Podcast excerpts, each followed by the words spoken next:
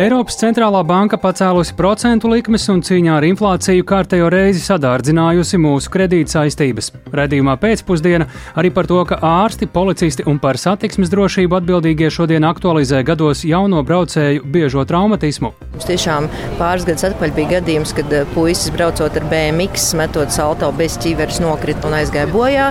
Un, uh, tiešām šīs smagās galvas traumas bez ķiverēm ir ārkārtīgi milzīgas bet pasauli sēro par īru dziedātājas Šinēdas Okonoras aiziešanu. Atskatīsimies uz viņas devumu gan mūzikā, gan arī sabiedrībā kopumā. Par to visu plašāk redzējumā pēcpusdiena kopā ar mani Tāli Eipuru.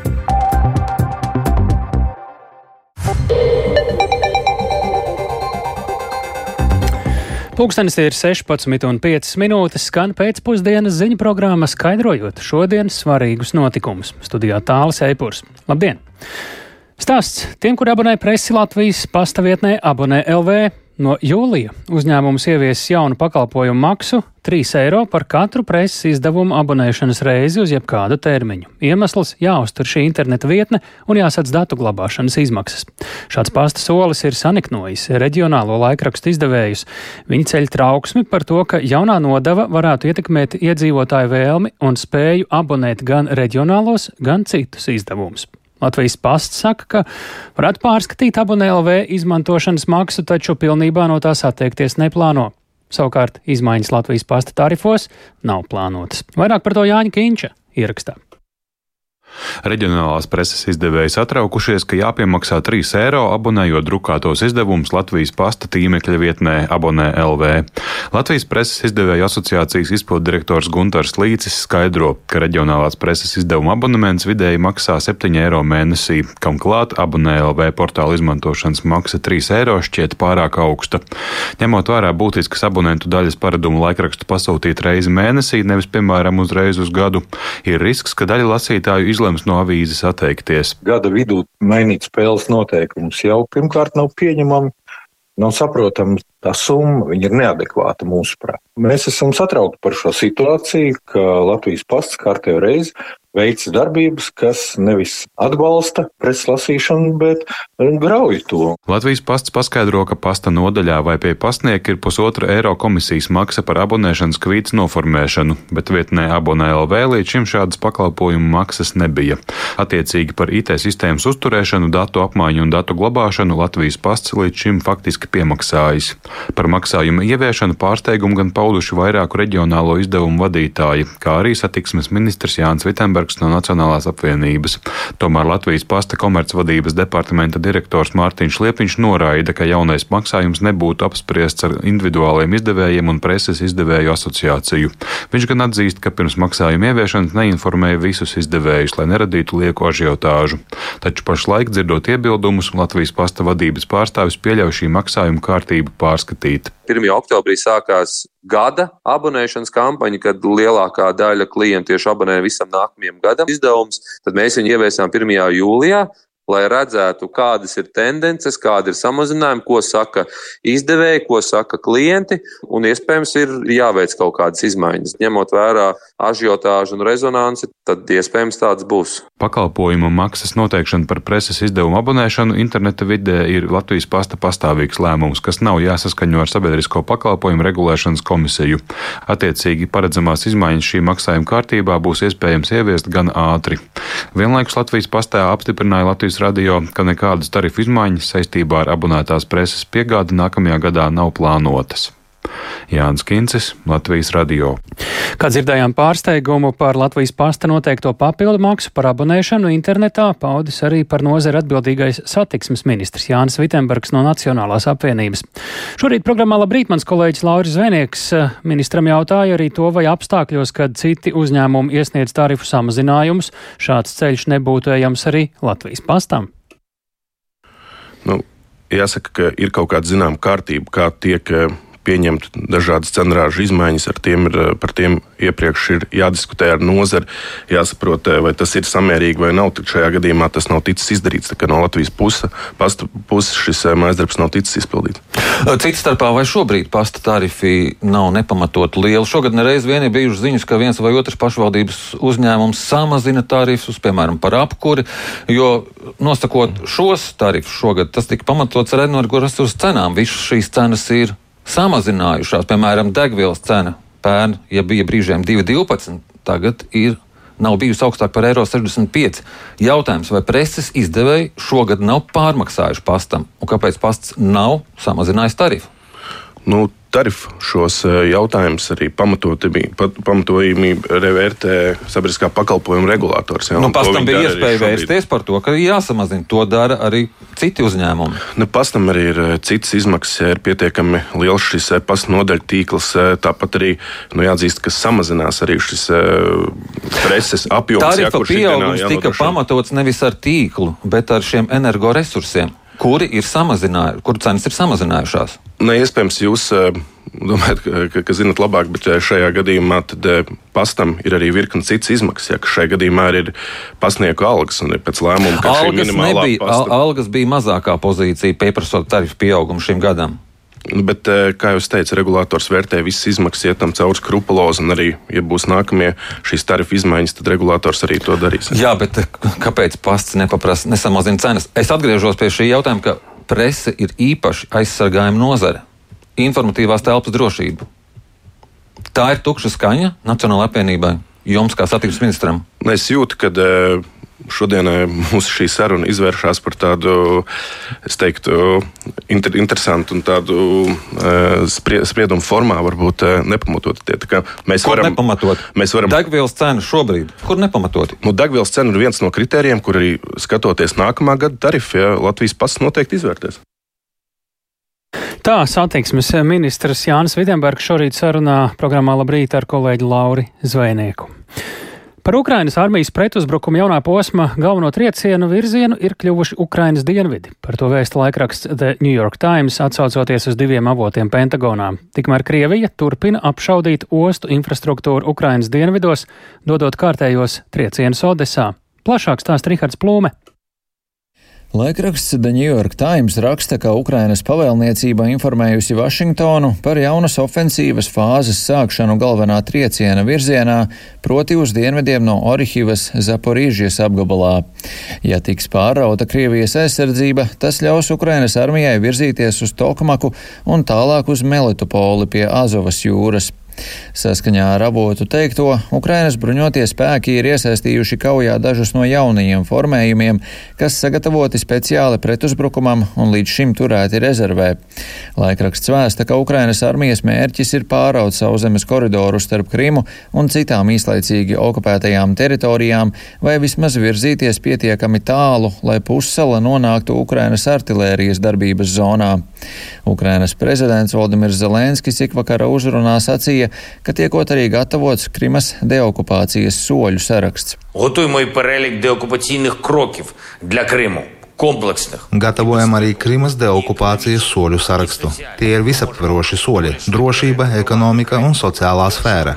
Mēs varam ātri no jauna integrēt Krimu Ukrainas valsts struktūrā. Faktiski jau tagad okupantiem vajadzētu padomāt, kamēr Krimas tilts vēl kaut cik turas, viņiem jāatgriežas mājās Krievijā. Krima tāpat kā pārējā Ukraina būs brīva. Brīva no visa Krievu ļaunuma, sākot ar Krievu raķetēm un beidzot ar katru Krievu okupantu. Krievija zaudēs šo karu un neviena raķete to neglābs. Arī ASV Domnīcas kara studiju institūts analītiķi vēsta, ka Ukrainas armija trešdien uzsāka nozīmīgu mehanizētu pretuzbrukuma operāciju Zaporīžas apgabala rietumos un virzījās uz dienvidiem no Orihīvas. Līdz šim Ukrainas armija vairākos frontes posmos ir veikusi uzbrukuma darbības, ko novērotāji interpretē vai nu kā Krievijas aizsardzības vājo vietu meklēšanu, vai arī kā maldinošus manevrus, kuru mērķis ir novērst ienaidnieka rezerves no galvenā trieciena vietas. Visur Ukrainas armija pārvietojās lēni, ko pēdējās nedēļās ir atzinusi arī Ukrainas pavēlniecība, galvenokārt blīvo mīnu lauku un gaisa spēku atbalsta trūkuma dēļ. Saskaņā ar The New York Times avotu teikto, par labu Ukraiņu ofensīvas pastiprināšanai darbojas trīs faktori. Pirmkārt, virzība cauri mīnu laukiem ir bijusi lēna, bet stabila. Otrakārt, Ukrainas armija var izmantot sekas, ko radījusi Krievijas karavīru vidū populārā ģenerāļa Ivana Popova atlaišana. Un treškārt, pastāvīgie Ukrainas triecieni Krievijas aizmuguras infrastruktūrai ir izraisījuši traucējumus frontes apgādē, tostarp ar munīciju. Tikmēr naktī uz ceturtdienu Krievija kārtējo reizi ar raķetēm un droniem apšaudījusi ostu infrastruktūru Odeses apgabalā, kā rezultātā ir cietušie un nodarīti postījumi infrastruktūrai. Kā NATO un Ukrainas padomes sēdē norādījis vicepremjers Aleksandrs Kubrakovs, deviņu dienu laikā Krievijas iebrucēju uzbrukumu rezultātā tika bojāti un daļēji iznīcināti 26 ostas objekti un 5 kuģi. Rihards Plome, Latvijas radio. Ukraina pēc haosa pretuzbrukuma sākumā nomainījusi taktiku, tā teikts laikrakstā Financial Times, pēc tam, kad pretuzbrukuma sākumā Ukraina zaudējusi piekto daļu NATO nodrošinātā bruņojuma, tagad tieši uzbrukuma vietā Ukraiņi pārgājuši pie masīvas artilērijas izmantošanas. Nigēra ir kļuvusi par piekto Rietumāfrikas un Centrālāfrikas valsti, kur kopš 2020. gada ir noticis apvērsums. Militāristi vakar paziņoja, ka ir gāzuši demokrātiski ievēlēto valsts prezidentu Muhamedu Bazumu. Taču gāztā prezidenta pārstāvju uzstāja, ka viņiem joprojām pieder leģitīmā vara valstī. Man attālināti šobrīd pievienojas kolēģis Uldis Ķēsbergs. Sveiks, Uldi! Saki, kāda ir svaigākā informācija par apvērsumu Nigērā? Jā, sveiks, tālāk, sveiki Latvijas radio klausītāji. Nu, būtiskākais jaunums ir tas, ka arī Nigēras armijas vadība ir pieslējusies militāristu grupai, kas eh, vakar no rīta galvaspilsētā Niemējā ieņēma prezidenta pils kompleksu un arestēja valsts prezidentu Muhamedu Bazumu. Armijas paziņojumā bija teikts, ka tās uzdevums ir aizsargāt prezidentu Bazumu un viņa ģimeni un nepieļaut bruņotu konfrontāciju, kas varētu pāraukt tādā plašākā asins izliešanā un destabilizētu situāciju valstī. Un atgādināšu, ka kā apvērsuma rīkotāji, kas sevi dēvē par Nacionālo tēvz, tēvzemes aizsardzības padomi, ir paziņojuši par Bazuma gāšanu un valsts konstitūcijas anulēšanu. Un uh, viņi uzsver, ka režīma maiņa bija nepieciešama, jo Nigērā pasliktinājās drošības situācija, bet uh, dziļo ekonomisko problēmu dēļ miljoniem valsts iedzīvotāji grimstot nabadzībā. Un 2021. Uh, gadā demokrātiskās vēlēšanās ievēlētā prezidenta Pazūma atrašanās vieta joprojām nav zināma, taču viņš šorīt ar sociālā tīkla X starpniecību paziņoja, ka turpinās aizsargāt um, grūti izcīnīto demokrātiju Nigērā, kas ir svarīga rietumvalstu sabiedrotā cīņā pret uh, islāma, uh, islāma nemierniekiem Sāhela reģionā. Uh, savukārt Nigēras ārlietu ministrs Hasumi Masudu šodien intervijā telekanālam France 24 sacīja, ka prezidents Bazuma atrodas pučistu gūstā, bet viņa veselībai briesmas nedraud. Un ministrs arī piebilda, ka norisinās sarunas starp kaimiņu valsts Nigērijas pārstāvjiem un apvērsuma īstenotājiem. Un varam paklausīties Masudu uh, teikto. Notiek mēģinājumi veikt sarunas, kuras ierosināja bijušais Nigēras prezidents Mahamadu Isufu. Tās sākās vakar un turpinājās šodien. Šajās sarunās piedalās delegācija, kurā atsūtīja Nigērijas prezidents Bola Ahmeds Tinubu. Nigēriešu delegācija runā ar pučistiem. Nigēras likumīgais līderis ir demokrātiski ievēlētais prezidents Bazumu. Jā, un arī ASV un ANO ir eh, nosodījušas šo nelikumīgo varas sagrābšanu Nigērā un eh, pieprasījušas nekavējoties atbrīvot prezidentu eh, Bazumu. Tālāk. Jā, Uldi, pēdējos trijos gados tātad nu, jau virknē Rietumāfrikas un Centrālā Afrikas valstu ir notikuši apvērsumi. Sociālajos tīklos, medijos analītiķi vērtē, vai te ir vērojams kādas kopsakarības, vai tam ir kāds izskaidrojums, ko tu esi saskatījis. Jā, nu kopš 2020. Eh, gada sekmīgi militārai apvērsumi ir notikuši Malī, Burkina Faso, Čadā, Gvinējā un tagad arī eh, Nigērā, kas, nu jā, tikai apliecina šī te Sāhela reģiona milzīgo nestabilitāti. Un uh, gandrīz visās nosauktajās valstīs militārai apvērsumi ir notikuši pēc tam, kad tur pieauga iedzīvotāju neapmierinātība ar samalzušajām ekonomiskajām un arī sociālajām problēmām, kas, nu, lielā mērā bija saistīts ar valdošo politiķu korupciju korupciju un arī nespēju nu, efektīvi apkarot islāmistu nemierniekus. Un reģiona valstīs bija dislocēti arī rietumvalstu bruņotie spēki, kas kopā ar vietējiem drošības spēkiem īstenoja šīs militārās operācijas pret nemiernieku grupējumiem. Nu, taču pēc apvērsumiem militāristi pieprasīja rietumvalstīm izvest savus spēkus priekšroku, dodot Krievijas algotņu grupējumam Wagner, kas apmaiņā pret stabilitātes nodrošināšanu ir ieguvis kontroli par svarīgām šo valstu ekonomikas nozarēm, piemēram, derīgu izrekteņu ieguvēm. Nigēra līdz šim bija galvenā Francijas un arī ASV sabiedrotā cīņā pret džihādistiem Sāhela reģionā, bet nu, pēc šī te apvērsuma nav skaidrs, vai šī sadarbība turpināsies un, protams, jās, jāskatās, kā situācija turpinās risināties nākamajās dienās, un tad jau noteikti taps vairāk skaidrs skaidrs, kāda tad būs nākotne. Paldies! Tā Lūdzu Ķēzberis, jāsaka arī sociālajos tīklos, vērojot Krievijas propagandas un dažādu līdzīgu avotu reakciju, ir visai apsveicoša reakcija attiecībā uz šo apvērsumu Nigērā, līdz ar to šādas kopsakarības. Atgriežoties Eiropā, Latvijā un Eirozonā atkal tiek palielinātas eiro procentu likmes. Tā pirms brīža nolemts Eiropas centrālās bankas padomis sēdē Frankfurtē, Galveno refinansēšanas eh, likmi audzējot līdz 4,25%, noguldījumu iespējas uz nakti līdz 3,75%, bet aizdevumu iespējas uz nakti līdz 4,5%. Visas trīs likmes augušas par 0,25% punktiem. Jaunās likmes stāsies spēkā 2. augustā, un šis lēmums nozīmē to, ka procentu likmes Eiropas centrālā banka ir palielinājusi jau 9. sanāksmi pēc kārtas. Ko tas nozīmē? Ko tas varētu nozīmēt uz priekšu?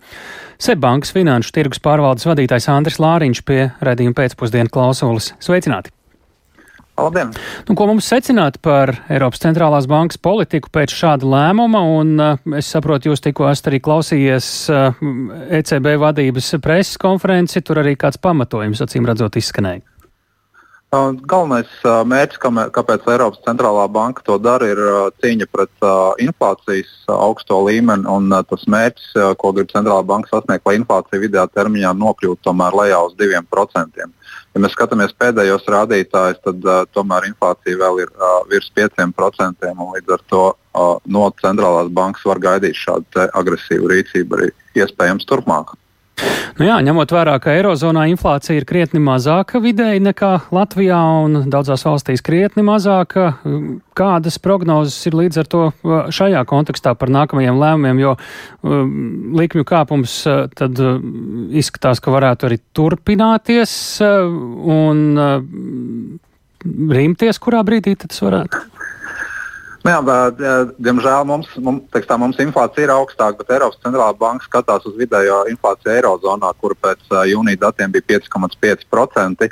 Un, tā, par tām likmēm un turpmāko rīcību, diemžēl, centrālā banka neatklāja savas kārtas, jo šie te, nu, pēdējā, pēdējos mēnešos tā, tā retorika ir tāda, ka centrālā banka reaģēs uz ekonomikas datiem kas nozīmē to, ko mēs varam sagaidīt nākamajā sapulcē, kas būs 14. septembrī, nu, ir diezgan grūti pateikt, jo centrālā banka viennozīmīgi nesola likuma pazemināšanu, bet uh, opcijas ir atvērtas attiecībā uz iepauzēšanu vai uz turpmāku likuma paaugstināšanu. Nu, bija analītiķi, kas cerēja uz iepauzēšanu jau tagad.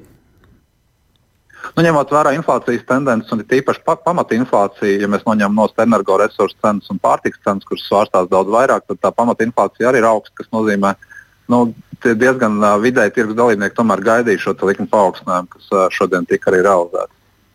Ko tas šobrīd nozīmē Latvijas ekonomikai, kurā jau tagad ir redzamas kredītņēmēju klupšanas. Vakar par Reizeknas pašvaldību stāstījām privātajā sektorā arī augsto un tieši agrāk, kad ņēma kredītus neprognozēto likmju dēļ. Eiropas centrālā banka arī novēro kopumā Eirozonā pieprasījumu mazināšanos pret kredītiem un sagaida nu, kaut kādu tomēr uh, situācijas, varbūt uh, ne gluži sācināšanās, bet uh, apgrūtinātu situāciju, norēķināties par šīm augstajām procentu likmēm. Bet, uh, Kopumā, protams, jāņem vērā, ka tirgus šādu scenāriju cenoja jau iekšā, iekšā cenās, kas ir tirgu, kreditēšanas tirgu mēs izmantojam Eiriboru likmes. Uh, 3, 6 vai 12 mēnešu likmēs jau, jau šie paaugstinājumi bija dažas nu, nedēļas vai mēnešus iepriekš. Ja mēs skatāmies viena gada Eiriborš, šodien ir 4,14%. bet depozīta likme tikai šodien pacēlus 3,75%. Tātad tirgus to gaidīja. Un kredītu izmaksu sadārdzinājums, ja vien nenotiek negaidīts un nu, teiksim, tāds ilgstošs turpmāks likuma paaugstinājums, tad kredītu izmaksu sadārdzinājumu turpmāk nevajadzētu vairs būt lielam. Nu, pieņemsim, mēs skatāmies 100 tūkstošu eiro hipotekārais kredīts. Šāds sadārdzinājums, kāds tika veikts šodien par 25 bāzes punktiem, nu, viņš dod aptuveni 20 eiro mēnesī klāt uh, procentu maksājumiem. Uh, bet, uh, mēs nu, tagad vēl diezgan zem jautājuma zīmes, vai vēl kādi 25 punkti būs vai nebūs septembrī. Nu jā, līdz ar to, kādu tendenci tas var iezīmēt tuvākajā laikā pārskatāmā nākotnē Latvijas ekonomikā kopumā, jo nu, kreditēšana ir viena no asin, ekonomikas asinsrites būtiskajām sastāvdaļām. Protams, ka šāds procentu likuma paaugstinājums bremzē, bremzē pieprasījumu pēc, pēc, pēc kredītiem un kom, kom, komplektā ar inflāciju nu, samazina šos te, nu, samazina pieejamo naudas apjomu iedzīvotājiem tēriņiem. Un līdz ar to nu, diezgan grūti pateikt, kā tas izp iz, nu, izspēlēs šodien, bet uh, pagaidām situācija mēs skatāmies tiksim, ar uh, maksātspēju un disciplīnu kredītu tirgu viņa diezgan laba. Šobrīd sakām paldies Andrim Lāriņam, SEB bankas finanšu tirgus pārvaldes vadītājam. Bet pasaule šodien sēro par īru dziedātājas Šinēdas Okonoras aiziešanu un vai Nacionālajā arhīvā ir apdraudēta e-dokumentu glabāšana. Šie un citi temati raidījumā pēcpusdiena turpmākajās minūtēs.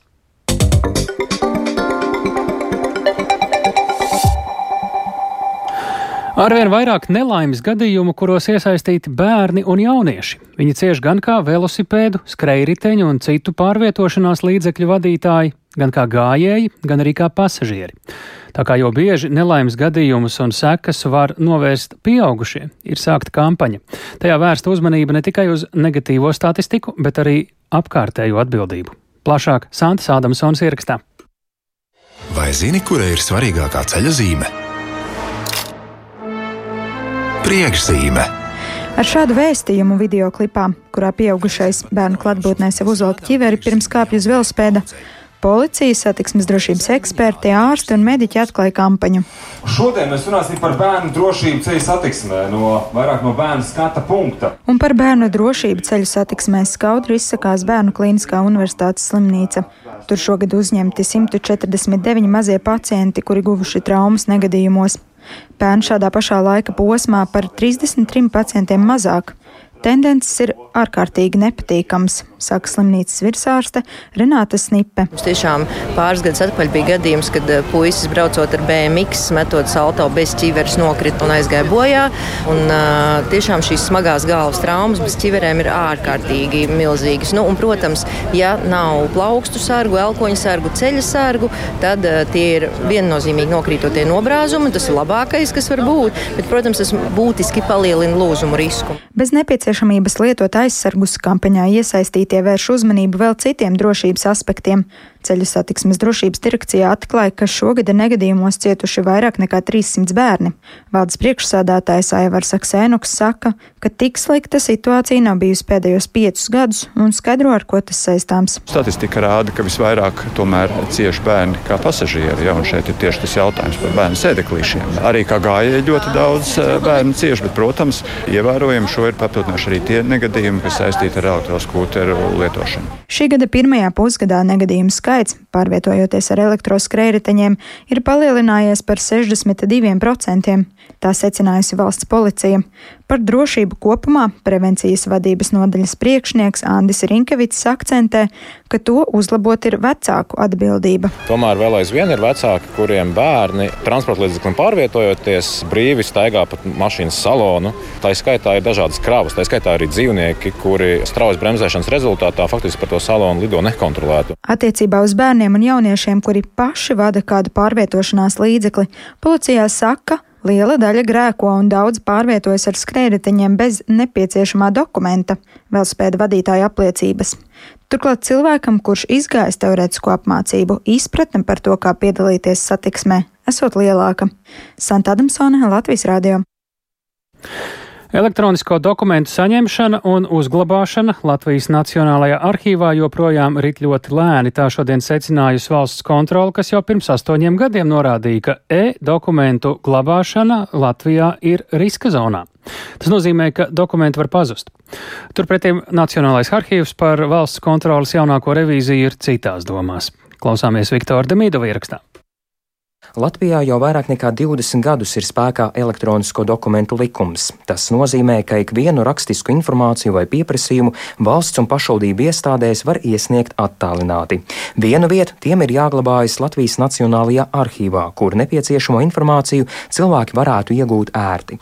Jau pirms astoņiem gadiem valsts kontrole secināja, ka pastāv riski e-dokumentus saglabāt. Arī jaunākajā revīzijā valsts kontrole secina, ka e-dokumentu saņemšana un uzglabāšana saglabāšana arhīvā notiek ļoti lēni. No 110 valsts informāciju sistēmām arhīvām glabāšanā pieņemta informācija tikai no četrām.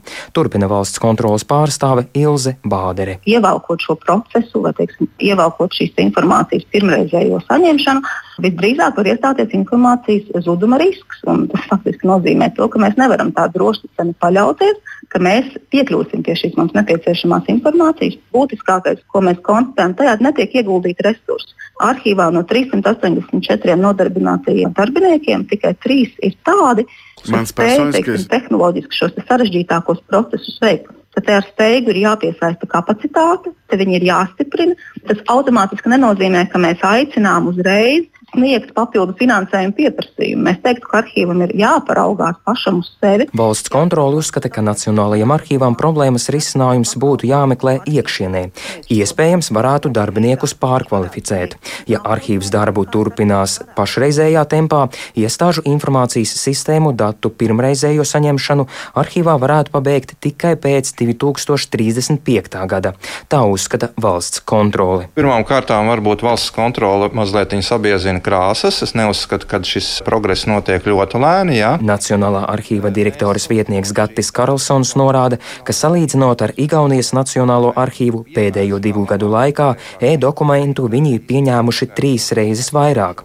Vienlaikus viņš atzīst, ka temps varētu būt lielāks, taču valsts iestādes e-dokumentus viņiem iesniedz krietni lēnāk nekā tas būtu nepieciešams arhīvam. Viņa prāt, problēma ir informācijas tehnoloģiju speciālistu atalgojums, kamēr privātajā sektorā speciālistiem maksā vairāk nekā 3000 eiro, valsts sektorā šie paši speciālisti saņem apmēram divas reizes mazāk, norāda Karlsons. Tad, tad mums ir divas iespējas. Pirmām kārtām palielināt finansējumu, palielināt arī mūsu darbinieku skaitu. Ja valsts palīdzēs nākamais, tad mēs tiešām plānojam arī vēl vienkāršot elektronisko dokumentu nodošanu, jo mums būs attiecīgi arī jauns elektronisko dokumentu nodošanas rīks pieejams. Es ceru, ka tas būs šoruden.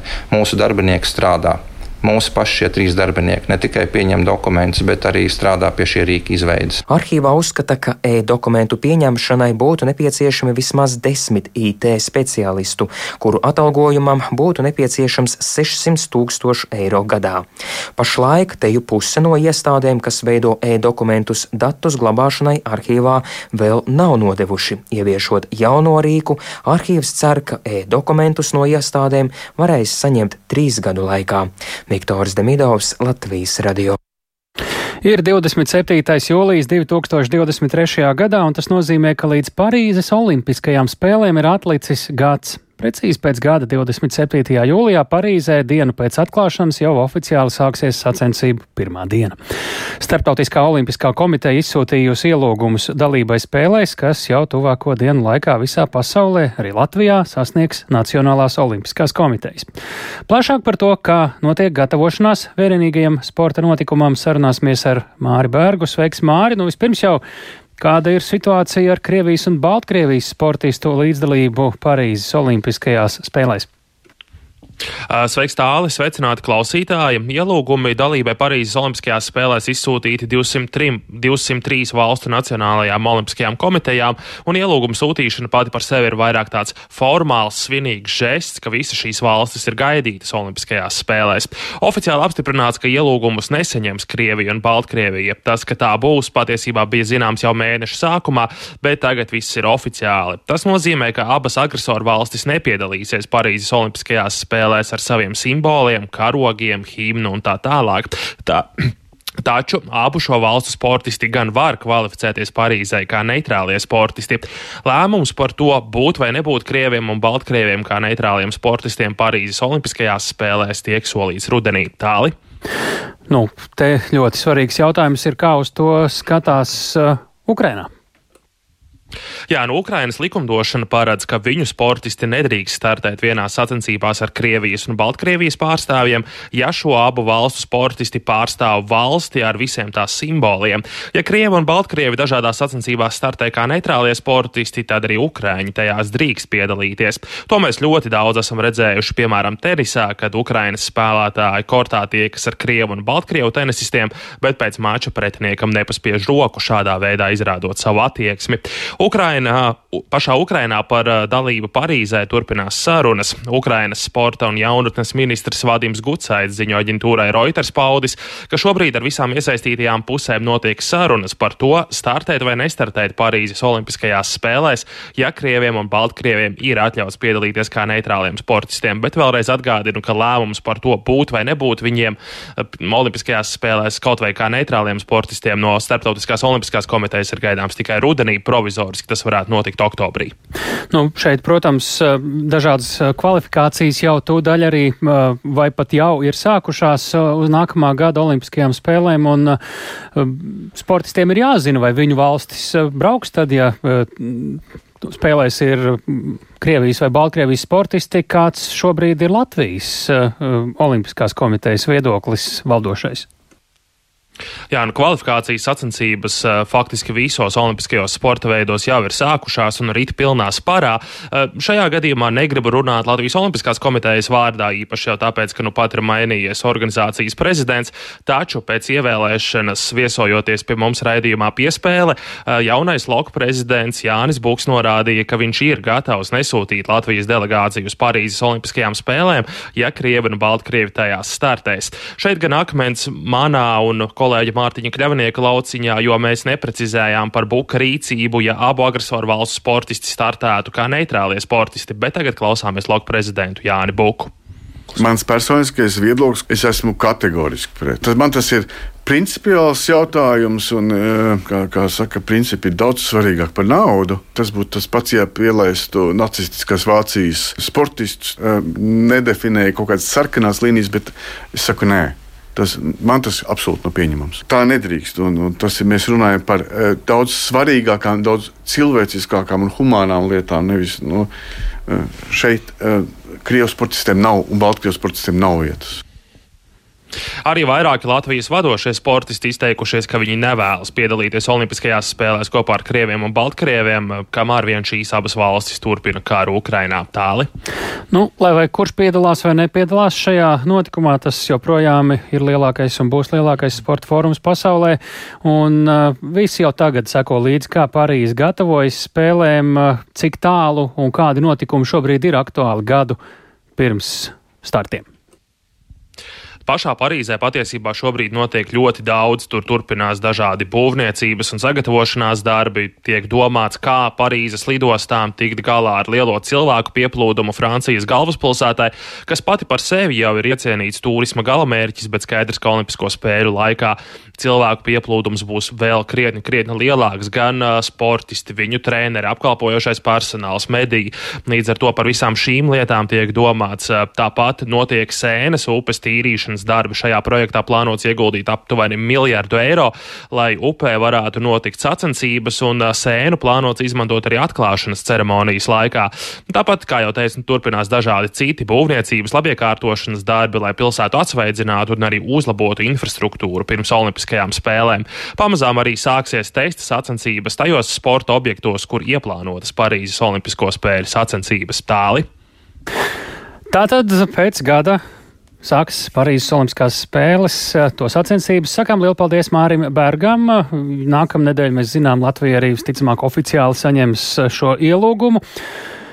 Bet sēru vēsts eh, šodien ir aplidojusi mūzikas pasauli un ne tikai. Mūžībā ir devusies īro dziedātāja Šīneida Konora, kas vēsturē ir iegājusi vispirms ar spēcīgo mūziku un arī ar savu protestētājas garu pievēršot uzmanību dažādām politiskām, sociālām un arī mentālās veselības problēmām. Pasaule viņu īpaši skaļi pamanīja 1993. gadā, kad viņa publiski saplēsa pāvesta bildi, protestējot pret bērnu seksuālu izmantošanu katoļu baznīcā. Sarežģītā dzīves ritējuma laikā viņa pati vēlējās kļūt par katoļu garīdznieci, bet pirms pieciem gadiem pavēstīja par pāriešanu islāma ticībā. Pagājušo gadu viņas dēls izdarīja pašnāvību, un dziedātāji pavēstīja, ka jūtas ļoti slikti un gribētu ātrāk nokļūt pie dēla. Bet pavisam noteikti vislielākā atpazīstamība vēl gadiem uz priekšu viņai dota no neaizmirstamā skaņdarba Nothing Compares to You. I said nothing can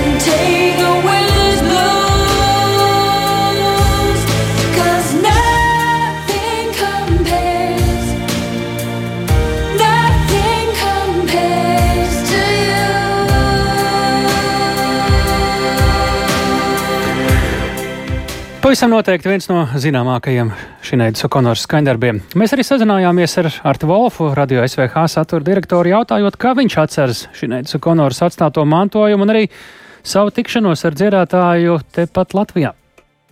Zini, kā man vienmēr Šinēda ir asociējusies ar tādu ļoti ārkārtīgi talantīgu būtni, un tajā pat laikā atkal iekšēji, ja tā var izteikties, sačakarētu būtni. Tāds man tas, tas, tas priekšstats vienmēr ir bijis, un tad, kad es pirmo reizi viņu uzdzirdēju, pirms ļoti, ļoti daudziem gadiem, 87. gadā, kad iznāca uh, viņas debijas albums The Lion and Cobra, man ļoti iepatikās tas viņas dumpinieciskums, dziesma Mandinka, kas man to laik griezās, nezinu, visu laiku, visu laiku, visu laiku.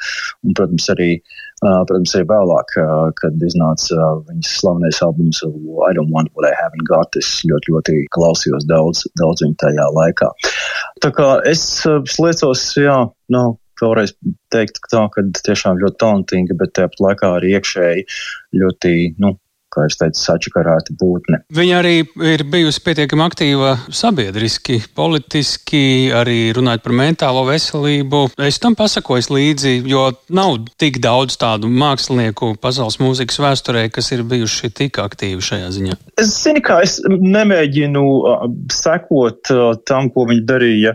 Nemēģināju sekot tam, ko viņi darīja ārpus mūzikas. Protams, es zinu, es esmu daudz lasījis par viņas uzskatiem par seksuālo orientāciju, par viņas uh, reliģiskajiem uzskatiem, bet es tam tik lielu uzmanību, tu zini, nesu pievērsis. Un toreiz, tad, kad mēs tikāmies 2009. gadā, tā bija vienīgā reize, kad es tiešām tiku pie viņas tuvāk kā intervētājs. Toreiz mēs strādājām Radus VK izbraukuma studijā Pozitīvas festivālā. Visi mākslinieki nāca ciemos pie mums uz intervijām, bija ļoti, ļoti atvērti un ļoti forši. Un, un šī neviena vienīgā atteicās nākt uz Radus VK studiju, man bija sarunāta intervija ar viņu. Tad nu neko nedarīt. Es ņēmu diktafonu līdzi un devu devos pie viņas uz traileru, un, godīgi sakot, es biju ļoti, ļoti satraukts runājot šajā kontekstā, zinot viņas tos uzskats. Man likās, nu, Dievs, kā es ar viņu vispār runāšu, un, un bija nenormāli satraucies, un tā, mums, tā mēs tikām nolikti trailerītī viens pretim otram, un es biju tiešām nenormāli satraucies, un nevarēju saprast vispār, ko viņai jautāt, un es mēģināju runāt par viņas iepriekšējiem panākumiem, un, nu, tur viņi bija ļoti, teiksim, tāda vēsima, teiks, jā, jā, jā, viss skaidrs, jā, es to zinu. Un es sapratu, ka tā saruna nekur, ne, nekur nevedīs. Un, un tāpat es nevēlējos īsti runāt arī par viņas visām pārējām aktivitātēm ārpus mūzikas. Iespējams, ka viņi gribēja lai es par to runāju. Un tad es uh, vienkārši tajā satraukumā pārliku to sarunu uz viņas pēdējo albumu Theology, kas iznāca 2007. gadā. Tas bija jaunākais darbs. Un tad kaut kādā veidā tā saruna nu, mazliet vismaz pavirzījās kaut kā uz priekšu, kaut kādā pozitīvākā gaisotnē, kad mēs sākām runāt par mūziku. Tā kā es neskārstu tiešām tās lietas, uh, kas bija ārpus mūzikas. Un tad mēs to sarunu nobeidzam uh, par to, kas, kas vispār notiek festivālā, ko viņi redzējuši. Kaut kā daudz maz uz pozitīvu nos, bet es tiešām biju nenormāli satraucies. Tā Artis Valfs par nu jau mūžībā aizgājušo izcilo īru dziedātāju Šīneidu Okonoru. Thank you for hearing me. Thank you for hearing me.